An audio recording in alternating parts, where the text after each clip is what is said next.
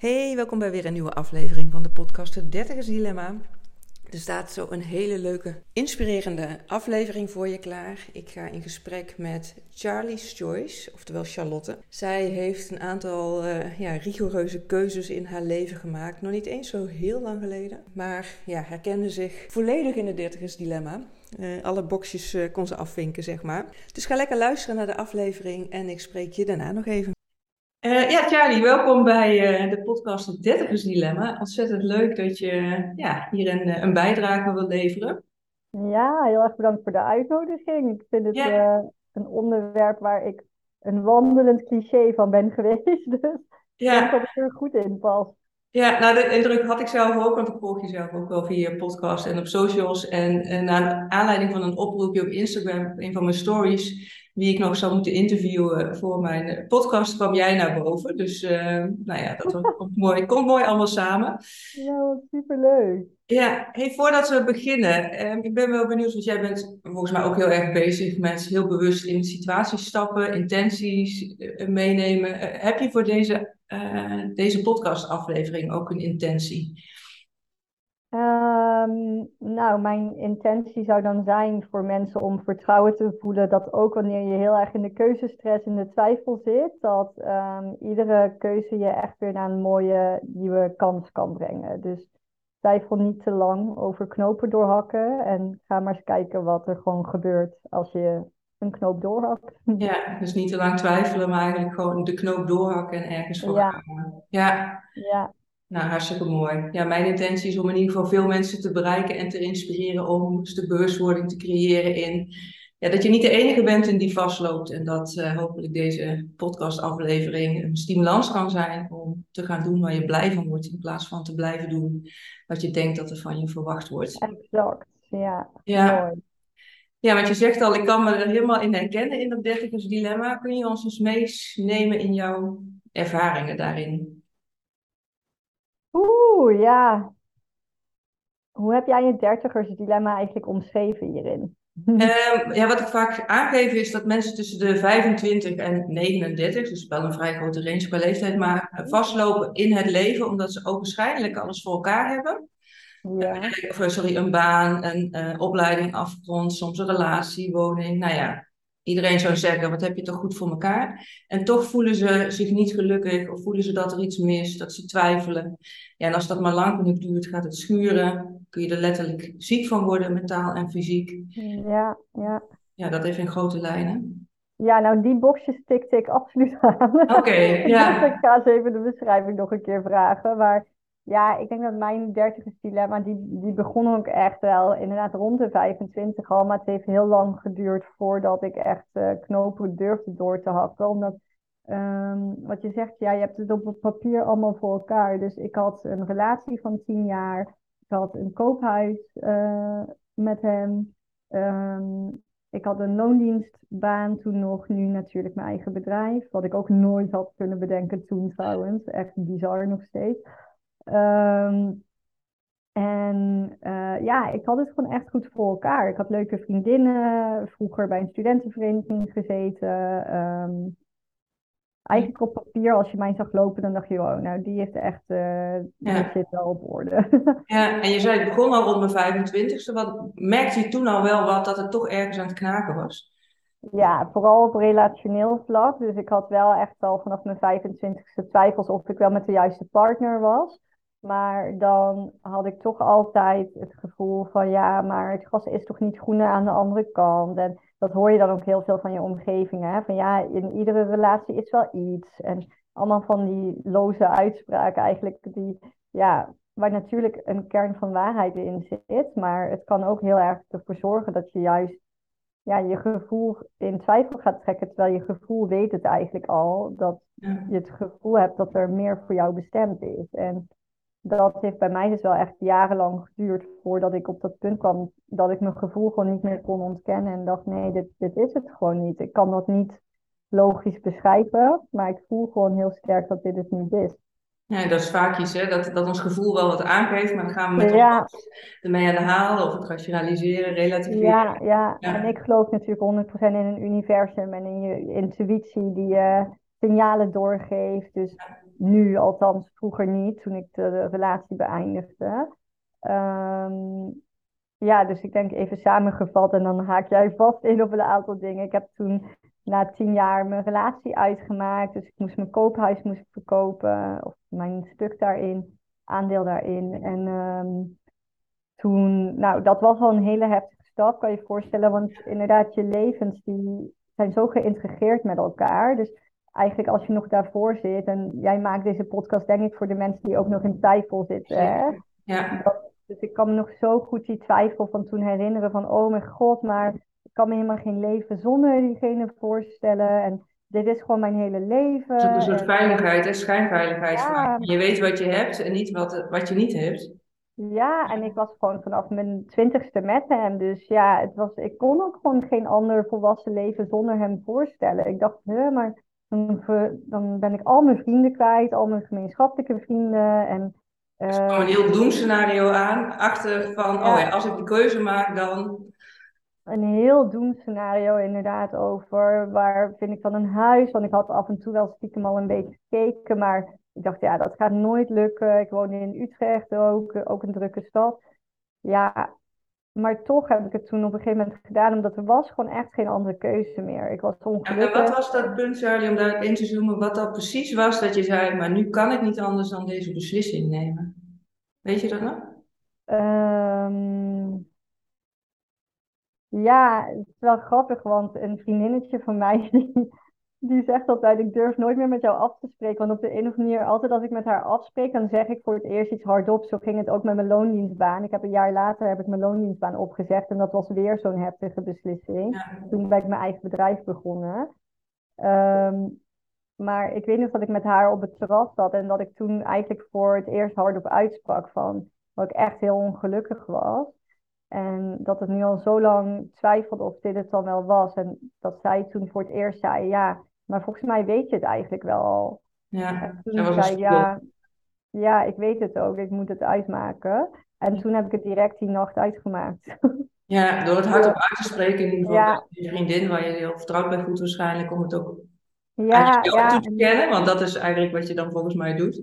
Mm ja. ja. en zij, um, uh, hoorde dit natuurlijk al jaren aan. Hè? Dus het was niet iets van uh, één week even twijfel. Het was al jaren. Dus op een gegeven moment helpt het inderdaad dat iemand je echt even spiegelt van joh, ik hoor je dit nu al zo lang zeggen. Is het niet tijd dat je gewoon een keer een keuze maakt hierin en uh, ja, de knop doorhakt. En ja. eigenlijk toen ik het inderdaad voor het eerst hardop uitsprak van ja, ik weet het, ik moet het uitmaken. Toen heb ik het ook echt meteen die avond dus uitgemaakt. Dus dat was heel heel radicaal eigenlijk. Er was een beslissing genomen. Ja, dus voor de buitenwereld zag dat er heel impulsief en radicaal uit, maar van binnen speelde dit gevoel al jaren. Ik had al jaren twijfel. En hoe reageerde jouw omgeving erop? Want je zegt inderdaad, voor de buitenwereld zag het radicaal eruit. Vaak laten we ons ook beïnvloeden door wat eventueel iemand anders ergens van vindt. Ja, heel geschrokken. Echt heel geschrokken. Ik denk van alle beslissingen, denk nu inmiddels zijn ze wel van mij gewend. Van oké, okay, Charlie, je weet nooit welke kant het weer op gaat. Maar ja, toen, toen was ik dat helemaal niet. Het was wel vrij impulsief van mezelf en nieuwsgierig, maar niet uh, dat ik van die hele heftige grote beslissingen nam ja, iedereen was in shock. Uh, wat je zegt van de buitenwereld ziet het er allemaal echt picture perfect uit en het perfecte plaatje. En uh, ja, je hebt toch alles wat je nodig hebt, dacht iedereen. Maar ja, ik, ik was gewoon ongelukkig. Dus ik denk dat en, en wat wel mooi is, dat wanneer je zelf meer open daarover bent. Ik weet nog dat ik in die periode kreeg ineens van heel veel mensen berichten. Ja, ik twijfel ook eigenlijk al heel lang. En mm. dan kwam ik iemand tegen in de kroeg die ik al heel lang niet had gesproken. En die hoorde dan dat ik mijn lange relatie had uitgemaakt. En die begon dan ook van, oh, maar hoe heb je dat dan gedaan? Want eigenlijk twijfel ik ook al heel lang. Dus je merkt dat wanneer jezelf het voorbeeld geeft dat ineens het taboe er een beetje afgaat en dat iedereen meer zijn twijfels durft uit te spreken. Ja, dus en ook als je het erover hebt, en heel veel mensen denken ik sta ja. hier alleen in, ik, ik, ik kan het niet delen met anderen, ik wil het niet delen met anderen, want nou, wat zullen ze ja. daarvan vinden ook weer. Ja. Ja. En anderen hebben wel dat perfecte leven en ik niet. Dus dan durf je het ook niet te delen. Maar ik kan je echt beloven, heel veel mensen hebben deze twijfel. Echt veel meer mensen dan je denkt. Dus Ga er maar eens op met iemand over praten die je vertrouwt. En dan zul je zien, heel veel mensen lopen tegen deze twijfel aan. Of het nou een relatie is of een baan of wat dan ook. Ja, ik denk dat er weinig tot geen mensen zijn waarbij het perfecte plaatje wat lijkt echt perfect is. Klopt. Dus, ja, dat bestaat helemaal niet. En dat zie ik ook in mijn werk natuurlijk, omdat ik al zo lang in de hulpverlening werk en de mentale gezondheidszorg ook. Dat, ja, ik heb denk ik gelukkig altijd een heel realistisch beeld gehad van ja, ik krijg altijd een kijkje achter de schermen bij mensen. Dus ehm, ja, dat perfecte plaatje, dat bestaat helemaal niet. Nee. En, en het verbreken van je relatie was, was dus voor jou de eerste stap in uh, het kiezen voor jezelf eigenlijk. Ja, dat was echt de allereerste keer in mijn leven dat ik echt iets heel engs heb gedaan. Dat ik echt helemaal van het gebaande pad ben afgestapt en het heel anders ging doen. En ja, natuurlijk is dat rete spannend, want uh, ja, ik zat daar ook in mijn kleine studiootje vanuit mijn mooie koophuis. Uh, weet ik nog wel heel goed. Het is echt zo'n beeld dat me altijd is bijgebleven. Dat ik echt op de grond tegen mijn koelkast aan zat.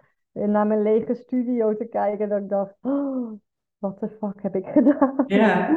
ja, dat je echt even denkt van, oh mijn god, wat heb ik gedaan? En um, ja, gelukkig wel en vol vertrouwen dat het hoorde. En dat, dat de andere optie was gewoon echt geen optie meer voor mij. Ja. Uh, dus het kon alleen maar beter worden, dacht ik. Ja. En die doemscenario's die je in je hoofd had, is daar ook dan wat van uitgekomen? Of hoe is, hoe is het toen gegaan? Nou, nee. Dus ik geloof heel erg dat wanneer je dat de stappen neemt, dat het universum je opvangt. Dus dat ja. ten eerste. Ik geloof echt dat wanneer ik die knoop heb doorgehakt, toen vloeiden dingen zo makkelijk naar me toe. En dat zie ik ook bij andere vriendinnen die hun relaties hebben uitgemaakt. Op de een of andere manier hebben ze altijd weer zo'n huis. En ook klanten hebben altijd weer zo dat er een nieuwe werkgelegenheid komt, of een nieuw huis, of eh, hulp vanuit een onverwachte kant. En ik geloof erin dat dat echt het universum is dat je opvangt en zegt: hey, super trots op jou dat je eindelijk een dapper stap hebt genomen. Ja. Dus the universe rewards those who are brave, zeg ik altijd. Ja. Um, ja, dus ik, mijn doemscenario was eigenlijk van ja, dan, dan vind ik geen huis en wat moet ik dan doen? Dan heb ik helemaal geen geld. En nou, als je vrienden te verliezen, zei je al. Ja, ja, dus dat is, dat is denk ik misschien dan het doemscenario wat je kan noemen, is dat je vrienden verliest. En dat is wel gebeurd. Ja, dus um, ook, do, ook door mijn baan, doordat ik van baan ben gewisseld en mijn eigen bedrijf ben begonnen, daar ben ik ook wat vriendschap verloren, die het gewoon echt niet begrepen. Ja. Um, die voelden gewoon geen connectie meer met mij. Ja, en ook um, de gemeenschappelijke uh, ja. daar ben ik er ook een heleboel van kwijtgeraakt. Maar ja, eerlijk, dat was van tevoren mijn doemscenario, omdat dat was toen mijn hele leven. Ik zag hun heel vaak. En, maar ja, echt wanneer het één wegvalt, dan komt er echt weer iets nieuws voor in de plaats. Dat kan ik je echt beloven. Dus ik heb nu zoveel nieuwe mensen leren kennen en je creëert weer ruimte, hè? Er komt weer andere, komen ja, andere energie vrij, er kunnen andere mensen in je, pad komen die anders die ruimte geblokkeerd wordt. Ja. ja, het een valt weg en er komt echt iets anders voor terug. Dus ja. Ehm, ja, ik geloof gewoon echt heel sterk erin dat alles wat wegvalt, hoort ook weg te vallen. Want dat waren dan blijkbaar ook niet de stevige uh, fundamentele vriendschappen wat jij erin zag. Dus Vertrouw erop dat als iemand wegvalt, om dan een relatie uitgaat of omdat jij iets heel anders gaat doen wat jij leuk vindt om te doen, dan hoort je vriendschap er ook gewoon niet meer te zijn. En dan mag je dankbaar zijn voor de periode dat je hem had. Maar um, ja, als ik iets heb geleerd daarin, inderdaad dat doemscenario, want ik hield altijd heel strak vast aan vriendschap. Ik was echt heel, um, vriendschappen was echt alles voor mij en nu nog steeds heel belangrijk hoor. Maar ik ben, ik ben wel heel goed geworden daarin in loslaten van mensen. Van oké, als jij ervoor kiest om niet bij mij te willen zijn, dan ben ik niet boos op je. Maar dan ga ik ook zeker niet heel hard meer vechten of smeken. Of... Nee. Nou, ik kost ook een hoop energie eh, om iets te bouwen ja. wat eigenlijk niets meer bij je past. En je bewandelt een bepaald pad. En volgens mij zijn vriendschappen en zelfs familieleden soms ook, ja, die bewandelen een stuk met je mee. En op een gegeven moment ja, ga je ieders weg. Ja, en niet iedereen gaat je begrijpen. Sterker nog, waarschijnlijk begrijpen meer mensen je niet dan wel. dat, dat is misschien een doemscenario voor heel veel mensen die hier naar luisteren. Dat is dat je hè, um, iedereen gaat trouwen, kindjes krijgen, doet wat je hoort te doen. En misschien wil jij wel iets heel anders voor jezelf. En um, ja, dat gaat niet iedereen begrijpen. Daar mag je gewoon van uitgaan. Dus het wordt echt je ultieme uitdaging om sterk in je schoenen te staan en sterk achter jouw eigen visie te staan, wat jij wil. En dat heb ik wel echt altijd gehad. Wat andere mensen ook zeggen, ik volg echt mijn intern kompas haar fijn.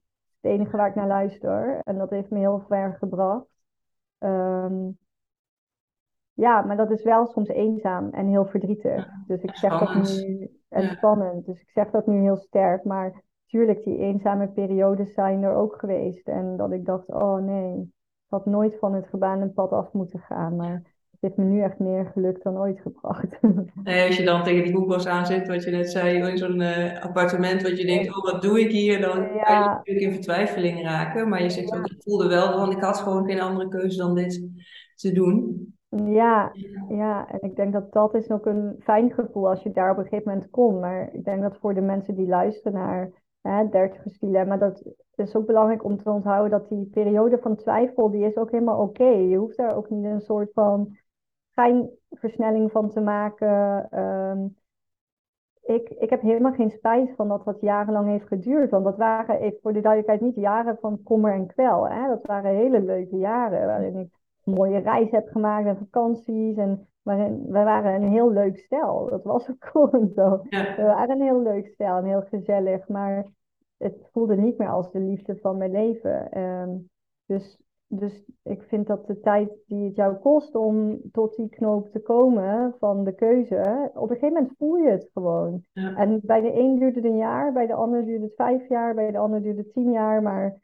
er komt een moment waarin je weet, ja, dit is het antwoord. Dit is het moment. Ja. ja. Nou, en ik denk ook dat het dan heel belangrijk is om jezelf heel serieus te nemen in wat je jezelf gunt. Want je zou andere mensen leken het alsof jullie nou ja, perfecte stijl waren. Maar als je dat zelf niet zo voelt, neem je dan genoegen met, oh ja, het is wel prima zo. Ja. Is je relatie een 7 of een 8 of ga je voor die 9 à 10, zeg maar. Ja. ja.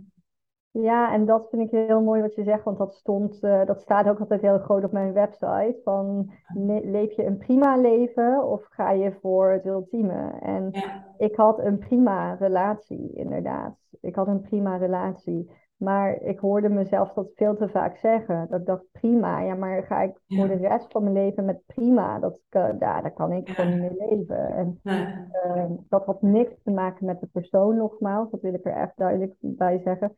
Maar hij is nu heel gelukkig met iemand anders en heeft een kindje met haar. Dus ook voor zijn kant denk ik van, ik was ook niet de persoon voor hem. Dus ik denk dat we elkaar misschien allebei wel dankbaar mogen zijn dat, um, ja, dat die twijfel uiteindelijk in een einde van een relatie heeft uh, geleid. Want ik ben heel gelukkig nu en hij, wat ik begrijp, ook. Dus dan denk ik, ja, um, je hoeft niet in een verschrikkelijke situatie te zitten, probeer ik maar even duidelijk te maken, om tot heftige keuzes te komen. Je, er zullen ook grote keuzes gemaakt mogen worden, of moeten worden zelfs, op basis van een leven dat er van binnen en van buitenkant eigenlijk prima uitziet. Ja.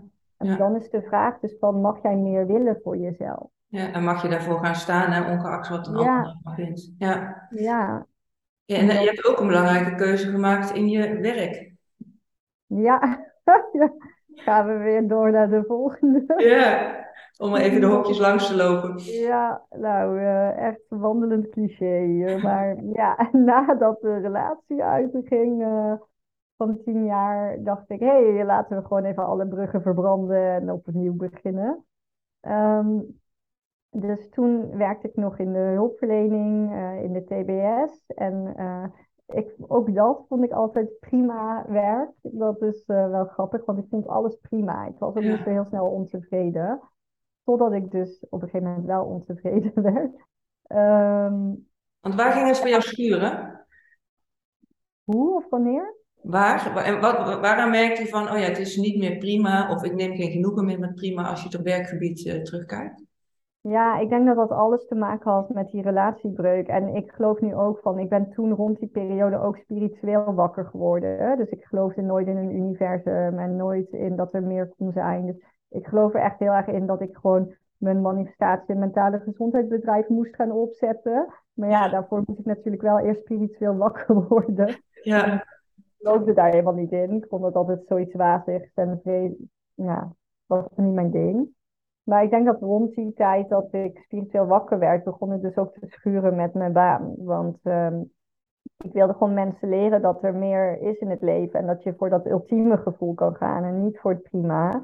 En ik zat dus heel erg vast in een baan waar, ja, ja, dat was daar gewoon helemaal niet. Ik werkte met een cliëntendoelgroep, ja, daar kon je... Nou, kader. ja, ja. ja kader, ja, daar kon je wel tegen zeggen van, hé, hey, doe een visualisatie um, ja. op hoe je leven er hierna uitziet. Maar ja, er waren mensen die soms uh, tot levenslang in de TBS veroordeeld waren. Ja, dat, dat vond ik erg moeilijk op een gegeven moment om daar dan nog de groeiende ontwikkeling in uh, te zien. Terwijl ik daar ook hele mooie gesprekken heb gehad hoor. En ik ben echt eeuwig dankbaar voor dat werk, want het heeft me zoveel over menselijk gedrag geleerd.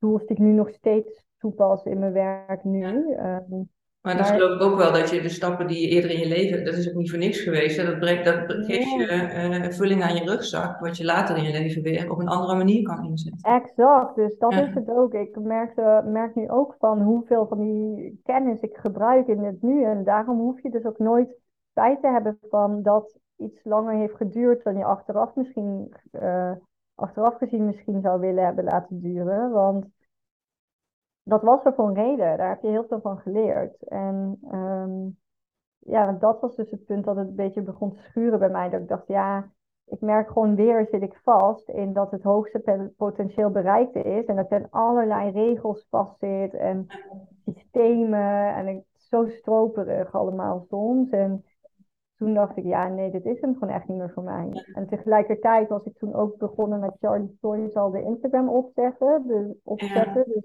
nog niet. Um, gewoon puur om te kijken van zijn mensen geïnteresseerd in Nederland in manifestatie. Want ik was pas net een paar maanden wakker. En, ja, want jij had dat ook nooit bedacht van tevoren dat dat iets was bij je paste.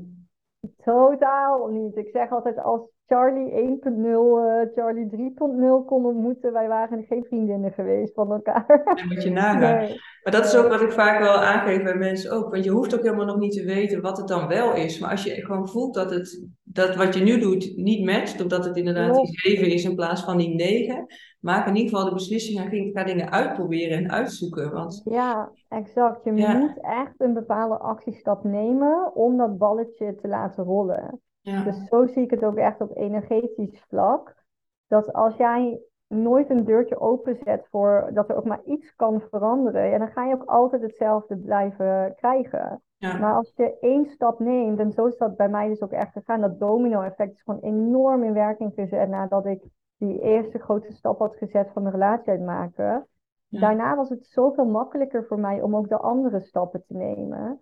En don't get me wrong hoor, want ik heb echt paniekaanvallen gehad met mijn loondienstbaan opzeggen. Dat ik echt, echt dacht, nee, ik kan niet nog zo'n grote keuze maken. En dan ook nog de financiële veiligheid verliezen. Ja. En, Al die heilige huisjes van jezelf. Ja, ja, ja, en ik, oh ja, en ik ben ook nog naar Amsterdam verhuisd dat jaar.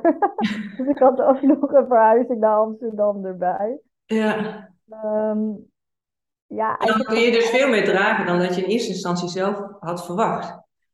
Ja, ja, veel meer. En ik wist al dat ik een verkrachtig persoon ben, maar ik had echt van tevoren zoiets van wow, dit is zoveel. Ik heb echt, denk ik, in een jaar tijd gewoon iedere stabiele tijd die een mens heeft, heb ik uh, weggegooid, als het ware, om weer opnieuw op te bouwen. Dus vriendschappen, uh, echt wel hele lange vriendschappen verloren. Uh, huis verkocht, naar Amsterdam verhuizen, dus naar een andere stad verhuizen, mijn loondienstbaan opgezegd, ja. mijn tienjarige relatie uitgemaakt. Dat was allemaal in één jaar tijd. Ja. Eigenlijk alle vijf pilaren waar je heel veel stabiliteit uit haalt, waren weg bij mij op een gegeven moment. Ja, en toch ben je, je hebt gezegd, ik heb wel paniekaanvallen gehad, maar het is, mm je bent niet ingestort dat je niet meer iets op kon bouwen. Nee, want ik heb dus wel altijd een diep vertrouwen gehad dat het ergens toe zou leiden. En um, ja, dat is, ja, dat is gewoon echt dat kerngevoel. Dat kan ik ook weinig beschrijven, altijd dan als gewoon een soort weten. Ik wist gewoon van dit moet ergens toe leiden, dat kan niet anders. En dan echt een innerlijk weten vanuit gevoel, ja. niet van je hoofd, maar echt vanuit gevoels. Uh, nee, vanuit mijn hoofd helemaal niet, want er waren dagen dat ik naar mijn bankrekening keek en dat ik dacht, nou, ja. Ik weet niet hoe jij dit gaat doen, maar uh, succes daarmee. En daar kreeg ik dus heel veel paniek van. ja, dan kwam er toch altijd weer een klant op mijn pad of een klus waar ik even kon freelancen. En ja, zo, um, zo vormde zich dat heel mooi. Omdat ik ben wel iemand, ik blijf altijd het eindplaatje visualiseren. Dat zeg ik ook altijd. Dus dat zou ik ook als praktische tool aan mensen hier mee kunnen geven. Is visualiseer dat plaatje waar je graag wil zijn. Dus als je twijfels hebt over uh, je relatie, ga dan een plaatje verzinnen van hoe ziet een, een excellente relatie eruit voor jou en niet een prima relatie. Wat doe je daar en hoe beweeg je daar en hoe voel je je daar? Ja. Dat heb ik zelfs in de paniek heel veel gedaan. Gewoon toch, ook al was het heel onlogisch, altijd blijven visualiseren. En daardoor bouwde ik heel erg mijn vertrouwensspier op. Maar ja, het heeft gewoon geen andere keuze dan dat, dat dit, dit zich gaat vormen op wat voor manier dan ook. Ja, en je zegt ook al voelt het onlogisch, maar dat is ook omdat dat wellicht is gevormd door alles wat je hebt meegekregen vanuit huis of vanuit je ja. opvoeding of vanuit de mensen om je heen. Ja. We zijn zo geïndoctrineerd soms door het plaatje zoals het hoort. Maar de vraag is, ja, is dat wel reëel? Is dat wel de werkelijkheid?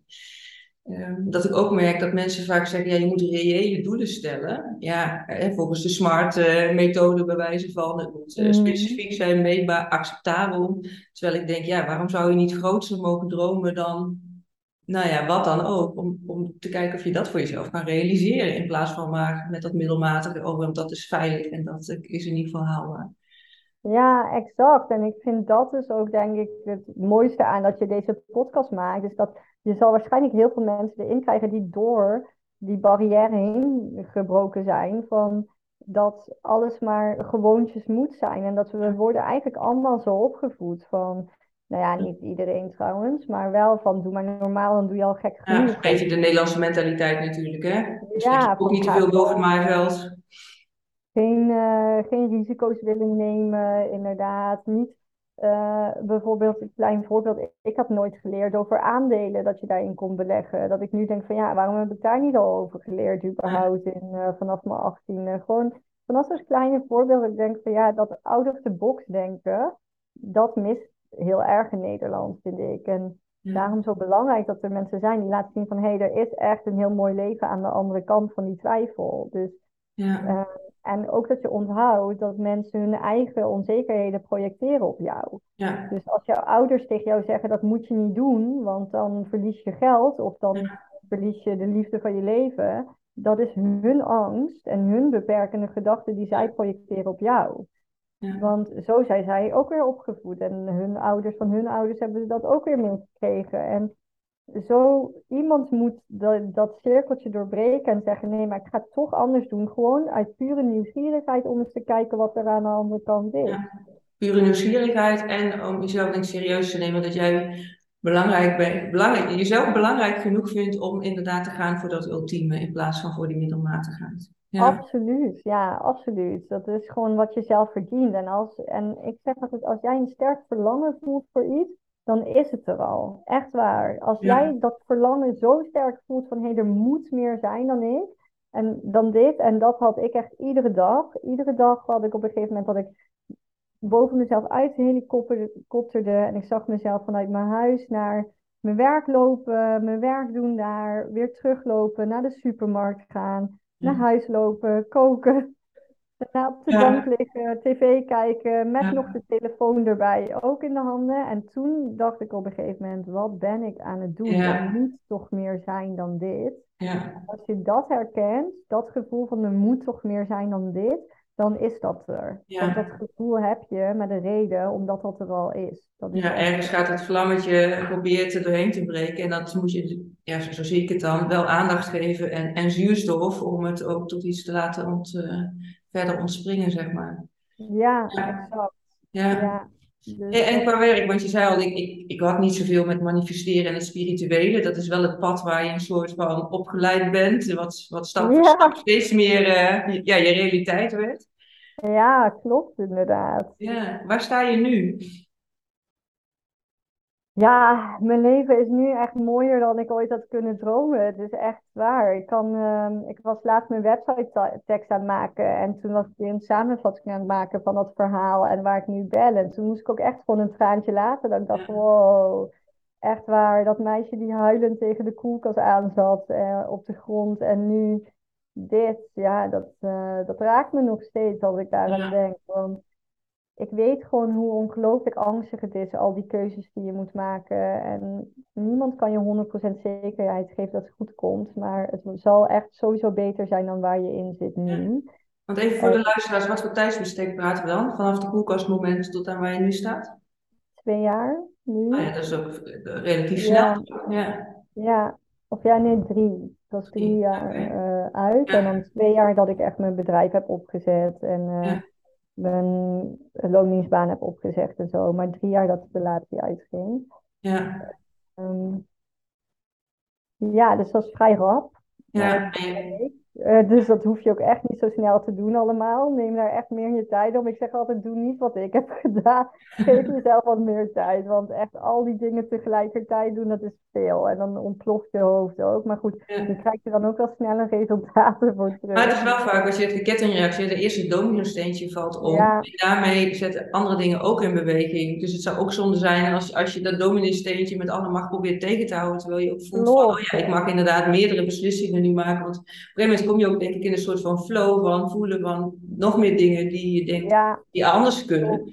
Ja. Uh, ja, en dan is een rollercoaster, maar ja. Dat zeg je echt super mooi. Op een gegeven moment is er gevoelsmatig, dat had ik, was niet tegen te houden. Nee. Ik heb bijvoorbeeld die loningsbaan opzeggen, dat was echt, ik heb dat heel lang geprobeerd niet te doen. Maar ik werd zo ongelukkig daar Ja. ook weer. Net als in de relatie ook. Dat is je interne weten. Hè? Dat op een gegeven moment zo ongelukkig. Ik geloof echt dat is je ziel die tegen je zegt: ga weg. Dat is Ja. iets nutteloos voor En als je jou. niet zelf de keuze maakt, dan maak je Ja, dan maken wij het. eh, dan wordt het alleen maar erger. Ja, ik geloof daar echt heel erg in. Ja. Dat dat van het universum is die je echt een rotgevoel geeft zodat je weggaat. Ja. Ehm, ja, dus, dus ik denk dat ehm, ik het niet per se aan zou raden voor iedereen om het zo heftig te doen en zo snel. Maar als je echt heel sterk voelt van, ik word zo ongelukkig hiervan, ja, eh, Ja. vertrouw er dan echt op dat er iets beters is Ja. voor je. En dat je dus nog niet hoeft te weten wat dat is, maar als je daar Nee, kleine stappen in gaat zetten, dat dat neem maar een stap. Ga maar eens een sollicitatiebrief eruit sturen. Ja. Ga maar eens een beetje werk googelen. Ehm, ja, in een relatie is het wel zo van ga naar een relatietherapeut en daar een stap in nemen. En spreek dan wel met jezelf af dat als relatietherapie ook niet helpt, dat eh, je dan weggaat. En dat je Ja. die knoop ook echt doorhakt en dat je erop vertrouwt. Ga alvast eens een vriendin vragen of je eventueel bij hun zou kunnen slapen een tijdje of bij familie. Ga Ja. op die manier alvast wat dingen in werking zetten. Want ik geloof echt dat die, ja, dat is echt het compound effect. Ja. Ehm, al die kleine stappen hebben bij mij ook gemaakt dat ik uiteindelijk die keuzes heb durven nemen. Dus door alvast eens huizen te googelen, door Ja. alvast eh, naar een relatietherapeut te gaan. En ehm, ja, nu ben ik eh, dus op een punt dat alles echt heel stabiel is, eindelijk. Ja. Dat Ja. is ook pas nu echt sinds een half jaar, denk ik hoor. Maar ehm, ja, ik ben nu gewoon financieel heel vrij. Dus ik heb veel klanten voor Charlie's Choice die Ja. geïnspireerd zijn door dit verhaal. Maar ook dat stukje manifesteren neem ik natuurlijk, eh, dat stukje, dat is gewoon mijn hele bedrijf. Ja. Maar wat Want wat zie je vooral bij mensen die jij dan begeleidt of coach, ik weet niet hoe je het noemt, maar als grootste belemmering of blokkade in waar ze vastlopen? Zie jij een bepaald thema terugkomen? Ja, zeker. Dat is echt het niet vertrouwen dat er iets beters is. Ja. Ja, dus echt vast blijven hangen, omdat je gewoon niet. En een heel laag zelfbeeld, dus een negatief zelfbeeld. Dus daar werk ik heel veel aan met competitive memory training. ehm, echt zorgen dat die beperkende overtuigingen verminderd worden en dat er krachtige overtuigingen voor in de plaats worden gezet. Ja. Ehm, ja, en dat stukje visualisatie neem ik heel erg mee. Van echt dat plaatje weer opbouwen van hé, hey, hoe ziet dat er nou uit als je die beperkende gedachten heel even naast je laat liggen. En dan merk je, dan gaan mensen weer aan, dan wordt er weer gedroomd, dan komt het ene creatieve Dan ga je weer mogelijkheden denken, hè, in plaats van in beperking. Ja, Ja. ja, en dat is ook je reticular activating system. Dus het is niet alleen je, een universum, daar mag je in geloven, maar het hoeft niet. Als je hem wil leren manifesteren, zeg ik altijd. Maakt het wel een stuk magischer en leuker. Ja. Als je in signalen en synchronicities gelooft. Maar je kan het ook zien als dat je je reticular activating system hebt, je RAS-filter. En dat is je filter dat alles, alle informatie filtert in je brein. Dus als je een rode Volvo wilt kopen, dat je ineens overal die rode Volvo's ziet rijden. Ja, dat voorbeeld noem ik ook vaak. Ja. ja, en dan is het gewoon een kwestie van echt herhalen, herhalen, herhalen en oefenen en hele, dus ook hele mooie sessies op, gericht op hele van die angsten uit hun kindertijd. En dan gaan we ook in hypnose terug daar naartoe om ze te reframen en er een andere betekenis aan te geven. Dus ik denk dat de meeste mensen bij mij de grootste shift maken in de helende sessies. Dus door terug te zakken naar een herinnering.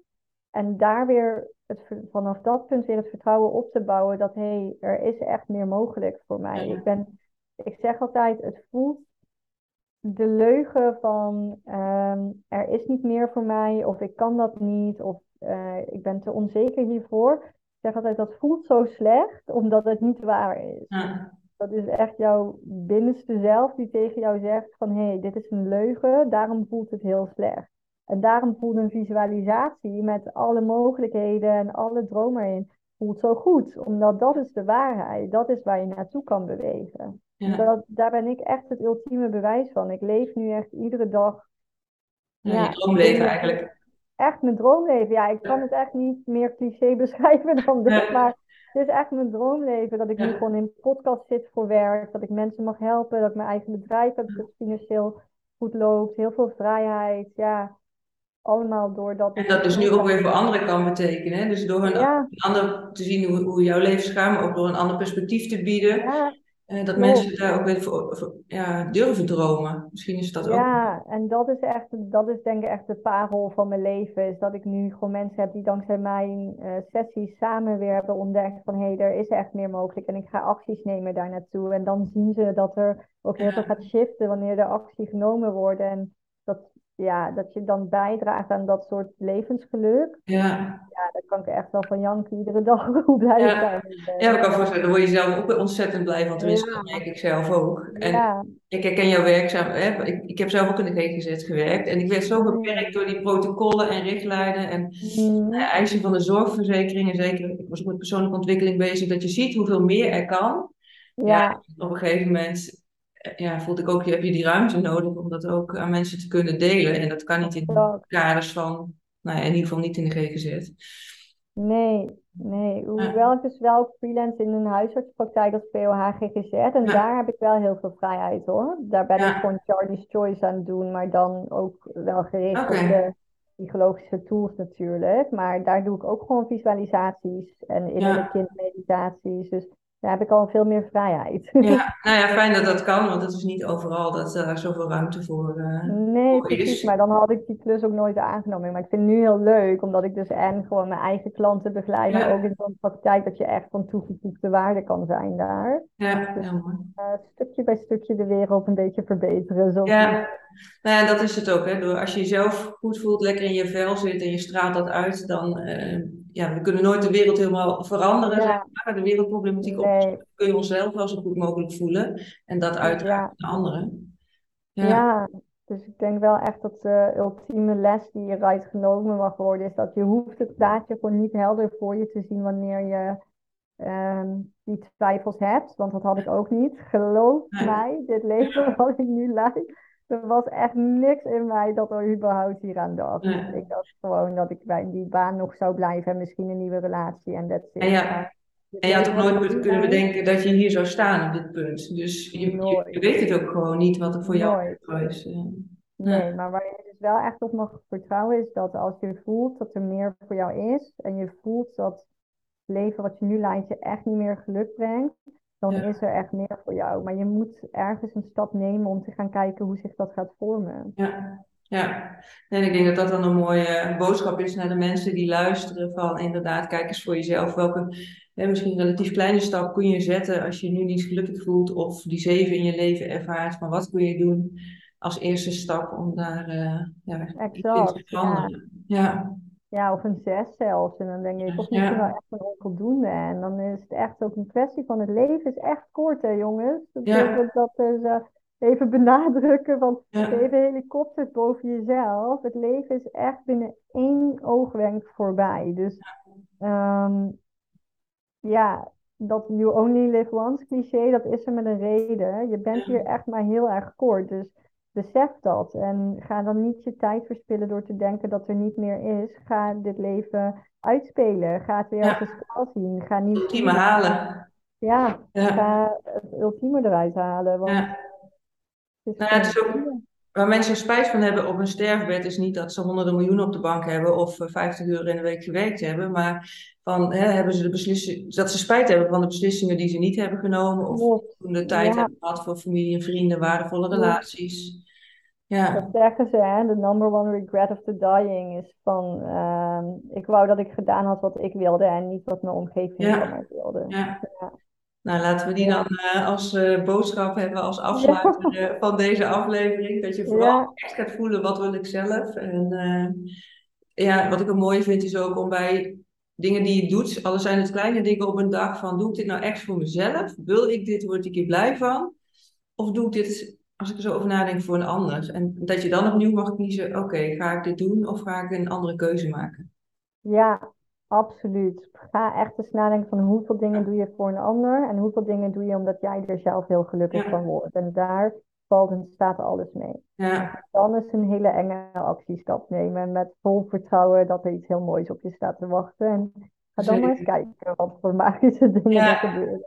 Zeker, en als mensen de ondersteuning in willen, want we snappen allebei ook volgens mij heel goed dat het een, een lastige weg alleen kan zijn, kunnen ze ook Ja, ja, bij jou terecht. Want waar kunnen mensen jou vinden? eh, op Charlie's Choice, dus dat is op Instagram of www.charlieschoice.nl. Ehm, mijn trajecten zijn nu nog even gesloten, maar je kan altijd op de wachtlijst. Dus, dus ze gaan over een maand of twee denk ik weer open. Ehm, de één op één trajecten. En dan kan je een mailtje naar info.charlieschoice.nl sturen. En dan kan je altijd alvast eens een kennismakingsgesprek inplannen. Nee, hartstikke mooi. En eh, nou ja, van mijn kant uit Oh, geldt en de manifestatiepodcast natuurlijk. Ja, ja, het gaat er ook om dat je dingen ook niet alleen hoeft te doen. Hè. Heel veel mensen hebben ook het idee, blijf heel lang zo worstelen.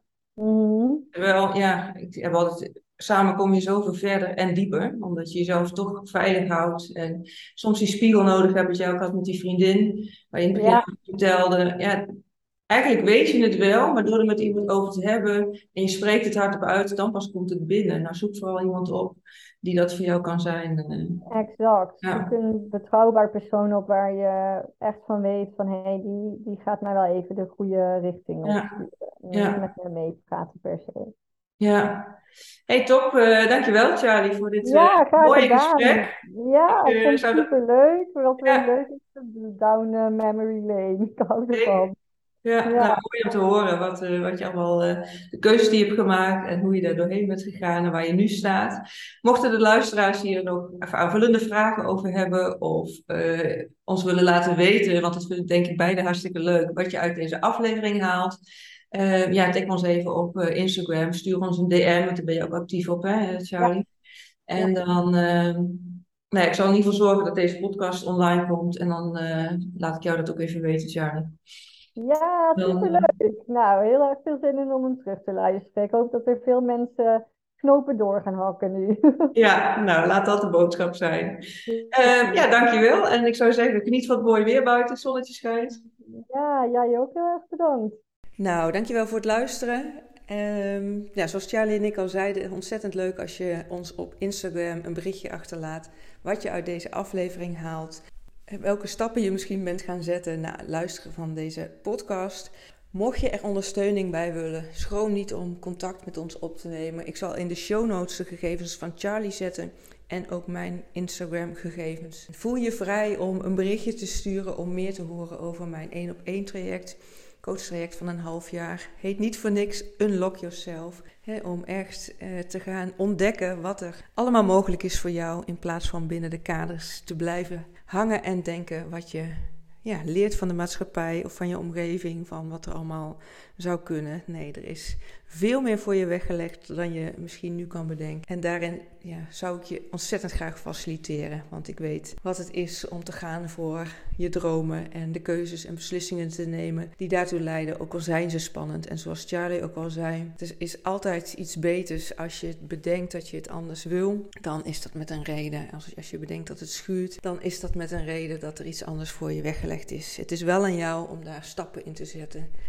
Om dat te gaan te ontdekken. En dat hoef je dus niet alleen te doen. Dankjewel nogmaals voor het luisteren. Ik wens je een hele mooie dag toe en een heel mooi leven. En ik spreek je snel weer in de volgende aflevering.